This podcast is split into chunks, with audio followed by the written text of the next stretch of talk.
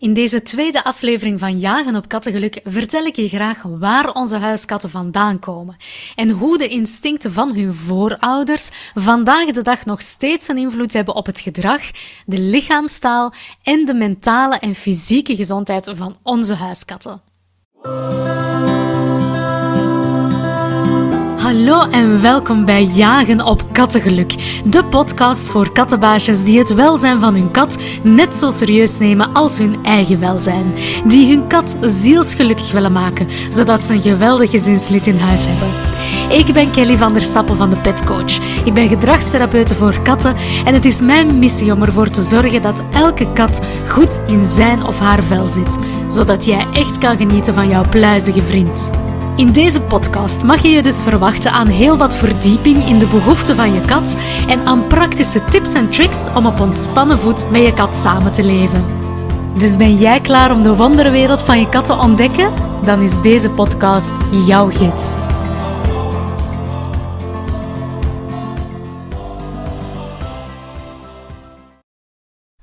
Hallo, hallo. Ik ben zo blij dat je vandaag luistert naar deze podcastaflevering. Want deze aflevering gaat eigenlijk over de basis van onze huiskatten. En vandaag laat ik de geschiedkundige in mij een beetje naar boven komen en vertel ik jou over waar onze huiskatten vandaan komen. Nu, ho, ho, ho, voordat je de opname stopt, blijf bij me. Misschien heb je nu nare herinneringen die naar boven komen aan geschiedenislessen of je maag draait om of je voelt de stress stijgen in je lichaam. Maar no worries, ik ga het kort houden, die geschiedenisles. En ik ga het heel interessant houden. Want ik wil even een korte schets maken van die voorouders van onze huiskatten. Maar natuurlijk ga ik vooral dieper in op wat dat die invloed van die voorouders nu net is op onze katten vandaag. Zodat jij jouw kat beter begrijpt haar gedrag beter begrijpt en meer gewapend bent om gedragsproblemen te voorkomen of aan te pakken. Dus laat ons die korte trip naar het verleden inzetten. Onze huiskatten, wel, die stammen af van de Noord-Afrikaanse wilde kat. Dus die had haar territorium hoofdzakelijk in Noord-Afrika en het Midden-Oosten. Daar is natuurlijk vooral woestijn. Vandaar dat we soms ook wel spreken over woestijnkatten. Maar zij waren eigenlijk aangepast aan verschillende habitats. Dus zowel woestijn als steppen, savanne en het bos. De wetenschappelijke naam van die voorouders is Felis silvestris libica. En onze huidige huiskatten, de wetenschappelijke naam daarvoor is Felis silvestris Dus je merkt inderdaad dat die uh, grote familie zijn van elkaar. Nu, die voorouders van onze huiskatten, dat waren solitaire jagers. Dus dat betekent dat die helemaal op zichzelf aangewezen waren om te overleven. Zij waren jagers, maar heel belangrijk, zij waren zelf ook prooidieren. Ja, dus zij stonden ook op het menu van andere dieren. Solitaire jagers, dat wil niet zeggen dat ze daarom geen sociaal contact hadden, maar hun sociaal contact was vaak beperkt tot echt paren met soortgenoten. Voor de rest waren zij hoofdzakelijk echt op zichzelf en zij gingen helemaal voor zichzelf zorgen en zorgen dat zij konden overleven. Nu, zo'n solitaire jager, wat wil dat wat meer concreet zeggen? Wel, zij gingen meerdere keren per dag op kleine prooidieren jagen en dan mag je denken aan muizen, aan vogels, insecten, reptielen en amfibieën. Zij deden dat vooral bij schemering en s'nachts Vaak omdat hun prooidieren ook dan wat actiever waren. Dus ze gingen heel veel jagen bij schemering en s'nachts. En voor die voorouders was eten altijd belangrijker dan drinken. Want zij haalden hun water vooral uit het vocht van hun prooien. Denk maar aan zo'n sappige muis, daar zit al wel wat vocht in. En ze haalden dus hun vochtopname voornamelijk uit eten. Vandaar dat dat eten belangrijker is dan drinken. Het kennen van hun territorium en het volledig beheersen van hun territorium was natuurlijk cruciaal voor die voorouder. Want als zij hun territorium helemaal kenden, wisten waar dat alles was, waar dat de veilige plekjes waren, waar dat zij prooien konden ontdekken, dan verhoogde dat natuurlijk hun kansen op overleving. Zij wilden natuurlijk ook weten waar dat de veilige plekjes waren, waar dat ze zich konden verstoppen, omdat zij zelf ook prooidier waren. Dus zij hebben de neiging, of zij hadden die neiging, die voorouders, om zich snel te verstoppen, om conflictvermijdend te zijn, wat dat dus wil zeggen dat zij normaal eerder gingen vluchten dan echte confrontatie aangaan. En ook heel belangrijk, zij laten moeilijk pijn zien omdat zij natuurlijk prooidieren waren. En als je makkelijk pijn laat zien, ben je makkelijker een slachtoffer voor een ander roofdier natuurlijk. Nu, dat domesticatieproces van die wilde voorouders, dat is veel recenter gestart in vergelijking met honden. En het domesticatieproces, als je dat niet moest kennen, dat is eigenlijk het gaan samenleven met mensen. En honden, die stammen af van de wolf. En dat domesticatieproces, men schat dat dat gestart is ongeveer 40.000 tot 30.000 jaar geleden. Als we gaan kijken naar de kat, dus van die wilde voorouders die begonnen samen te leven met mensen, dan heeft men lang gedacht dat het domesticatieproces gestart is bij de Egyptenaren, zo'n dikke 5000 jaar geleden. En je kent dat misschien nog wel, hè, als je diep graaft in de, in de geschiedenislessen. Denk bijvoorbeeld maar aan de Egyptische god Bastet, dat was de godin van de vruchtbaarheid. Die had zo een kattenhoofd.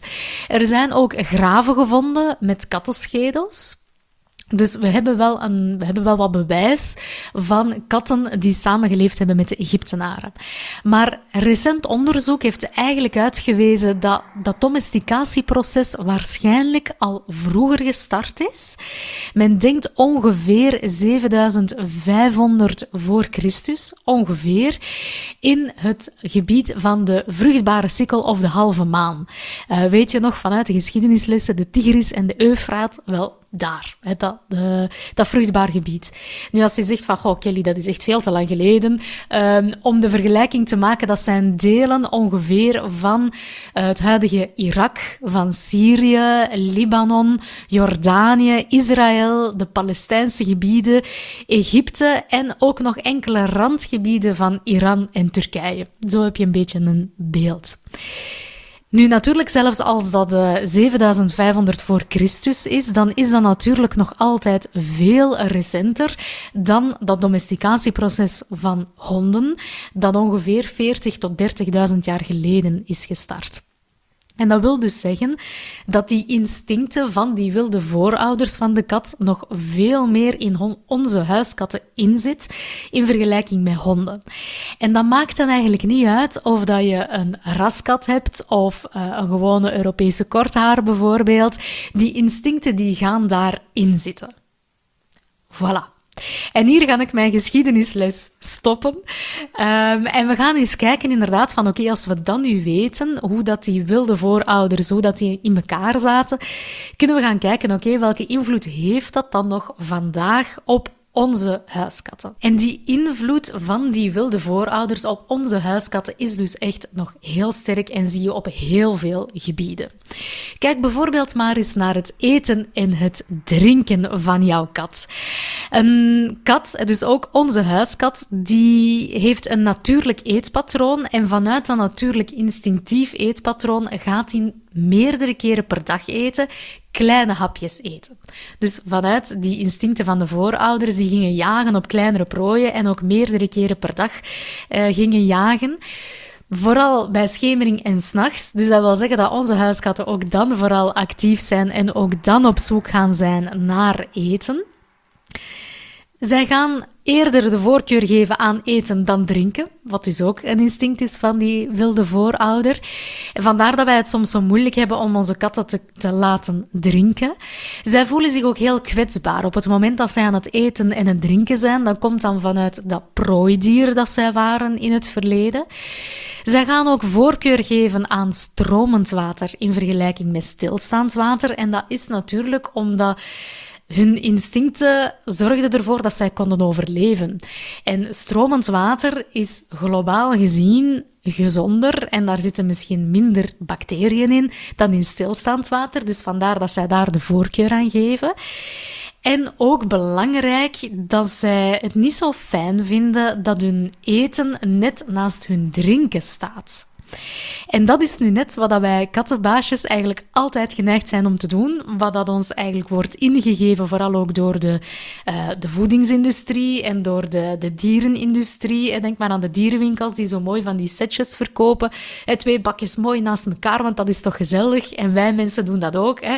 Lekker een diner met een glaasje wijn erbij. Wel, onze huiskatten die vinden dat niet fijn. En dat komt van hun instinct van vroeger, dat een prooi, dus eten, bij het water of in het water of vlak naast het water, dat dat erop kan wijzen dat dat water misschien vervuild is met bacteriën van dat doodprooi.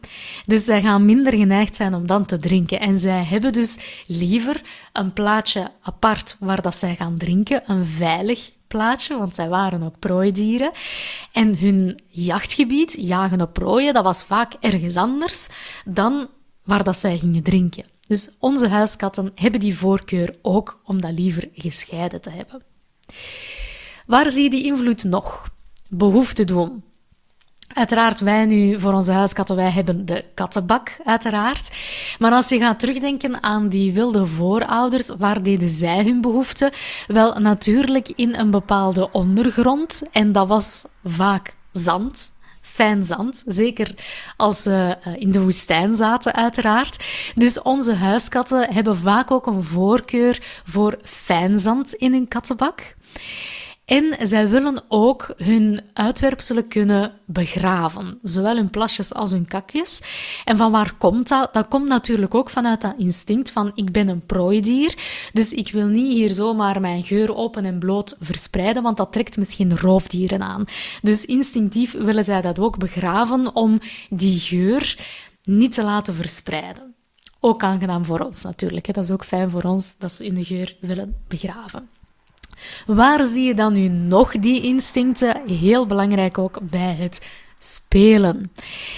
En het spelen, je hebt het misschien al uh, gemerkt bij je eigen kat. Je kat kan daar tien speeltjes hebben liggen in de kamer en je kan zoiets hebben van, allee, waarom speelt hij nu niet met die speeltjes? Er is zoveel keuze. Ik koop vaak hè, nieuwe speeltjes, die liggen daar en ze speelt daar gewoon niet mee. Wel, daar zeg je het eigenlijk zelf al. Die liggen daar. Een kat wordt meestal niet getriggerd op iets dat stil ligt, welke kleur dat, dat dan ook heeft, omdat dat voor haar eerder een dood prooi is. Iets dat niet beweegt is voor haar niet interessant. Wat wekt haar interesse? Instinctief is iets met beweging. Want beweging en uh, bij prooien natuurlijk ook geluiden en geuren van prooien. Instinctief gaat hun jachtinstinct dan in werking en gaan zij op jacht gaan.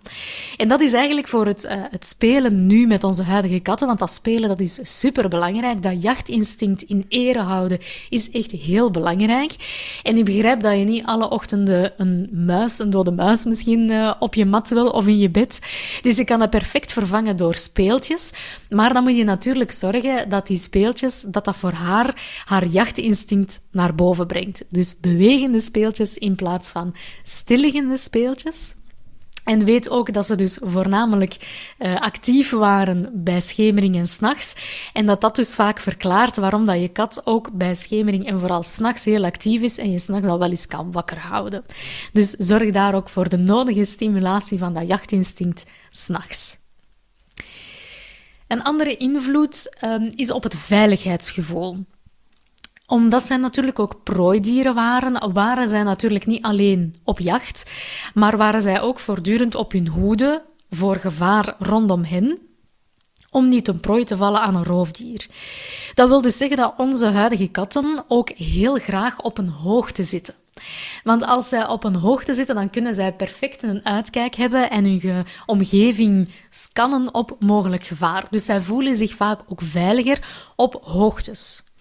Zij hebben ook plekken nodig om zich te kunnen verstoppen. En dat kunnen heel eenvoudige plekken zijn, uiteraard. Dat kunnen ook liefst verschillende plekken in huis zijn, dat als ze toch even iets van een gevaar detecteren, dat ze zich in veiligheid kunnen brengen, dat ze zich kunnen verstoppen. Wat is er ook belangrijk voor dat veiligheidsgevoel? Instinctief, dus wat er nog in onze huiskatten in zit, instinctief zijn andere katten in hun leefomgeving een bedreiging. Sowieso. Waarom? Hoe komt dat nu? Hè? Vanuit die, die voorouders, die, dat waren solitaire jagers. Dus die jaagden alleen, die waren op zichzelf aangewezen om te overleven. En als er een andere kat in hun territorium kwam, dan betekende dat natuurlijk dat er ja, minder prooien waren voor, voor hen. Want ineens hadden zij een territorium dat zij met twee katten moesten delen. Dus minder prooien, minder kans op overleving. Dus in onze huiskatten zit dat instinct ook nog in. En dat wil dus zeggen dat de meeste katten niet goed gaan reageren als ze een andere kat zien op hun territorium. En dat kan gaan over katten waar dat ze mee samenleven in hun, in hun eigen leefomgeving, in hun, echt in hun hartsgebied, in hun meest veilige stuk van hun territorium. Maar dat gaat dus ook over het ruimere territorium, zelfs buiten. Ook al heb je een binnenkat, maar als hij dus buiten katten ziet voorbij wandelen, kan dat dus direct opwinding en stress veroorzaken vanuit dus dat instinct van dat territorium. En nog twee dingen die ik wil uh, vermelden daarin. Nog twee voorbeelden dat ik wil geven over die, die instincten en de invloed daarvan. Katten laten ook heel moeilijk pijn zien. Echt heel moeilijk. En dat komt ook van die voorouders uiteraard, omdat die als prooidieren ook niet makkelijk pijn lieten zien. En dat zit in onze huiskatten ook nog in. Het is echt niet makkelijk om pijn te zien bij jouw eigen kat. Onze katten hebben ook heel veel nood aan voorspelbaarheid en controle. Dat zijn echt controlefreaks tot in het extreme. En dat is heel belangrijk dat je dat ook respecteert, want zij hebben dat nodig. Dat is instinctief is dat zo. Instinctief zit dat in hen om controle te hebben. Want als zij geen controle hebben over hun leefomgeving, over hun territorium, dan voelen zij zich bedreigd, hebben zij stress, niet op hun gemak, omdat zij niet altijd weten Waar zijn mijn bronnen? Waar weet ik dat mijn eten is? Waar weet ik dat mijn veilige plekjes zijn? En zo verder. Dus zij hebben dat ongelooflijk nodig om die voorspelbaarheid te hebben, om te weten waar dat alles is, dat dat niet continu verplaatst wordt. Want anders zijn zij gewoon niet op hun gemak en voelen zij zich bedreigd in hun overlevingskansen. Dus dat is echt heel belangrijk. Die controlefreaks, ik weet, we lachen daar soms mee, maar dat is echt bijna de essentie van jouw kat. Die controlefreak. En zorgen dat zij controle hebben, voorspelbaarheid, routine. Dat is echt superbelangrijk voor hen. Nu, omdat dat zo belangrijk is voor hen en al die instincten die dat zij in zich hebben, dat is een ongelooflijk sterk gevoel. Zij gaan altijd voorrang geven aan die instincten. En als je daar geen rekening mee houdt met die basisbehoeften, met die instincten, wel, dan gaat jouw kat gewoon een andere manier zoeken, zodat die basisbehoeften wel voldaan zijn. Want dat is gewoon hun, hun drang, dat is hun instinct. En dan krijg je inderdaad situaties en gedragsproblemen, zoals bijvoorbeeld plassen buiten de kattenbak.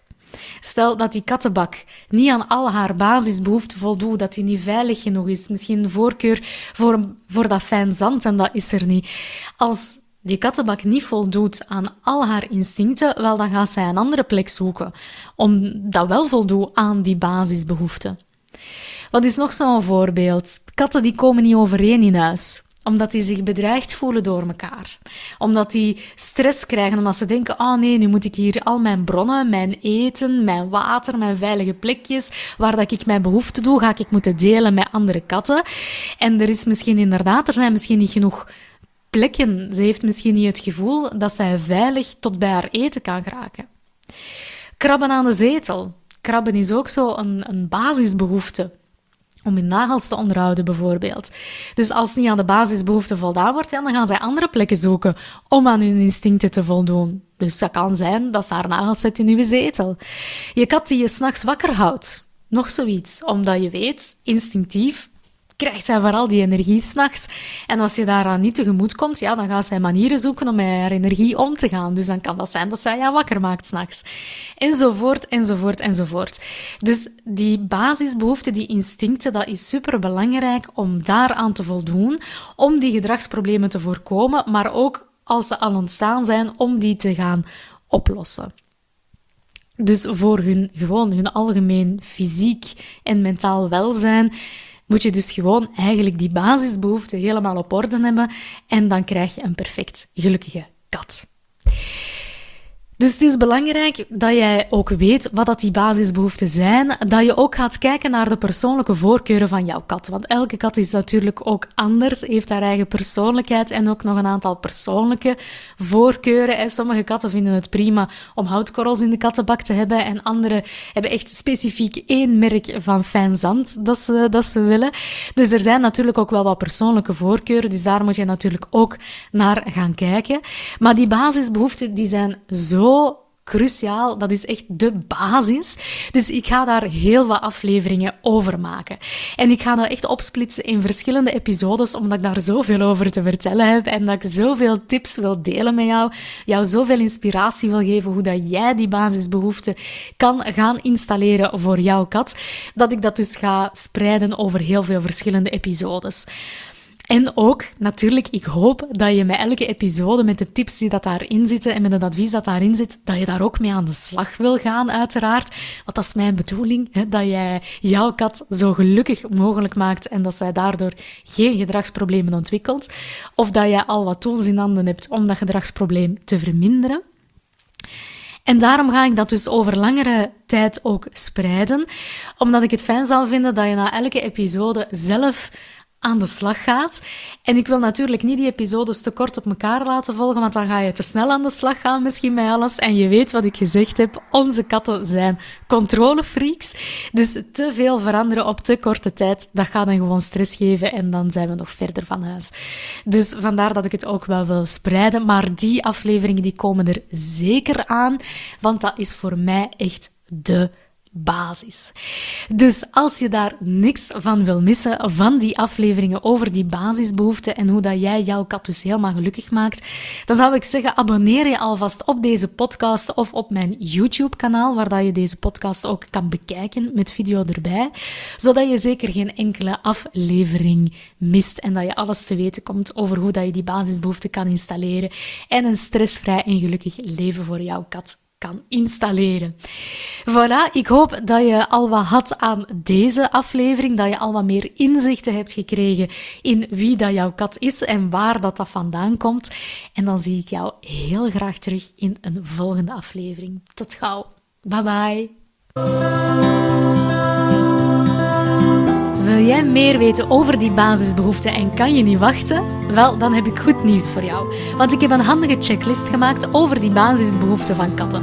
Zo heb jij een makkelijk overzicht en kan je al even kijken hoeveel basisbehoeften jij al kan afvinken voor jouw kat. Je kan de checklist over de basisbehoeften makkelijk downloaden op depetcoach.be-2 of via de show notes bij deze aflevering. Bedankt om te luisteren en tot gauw!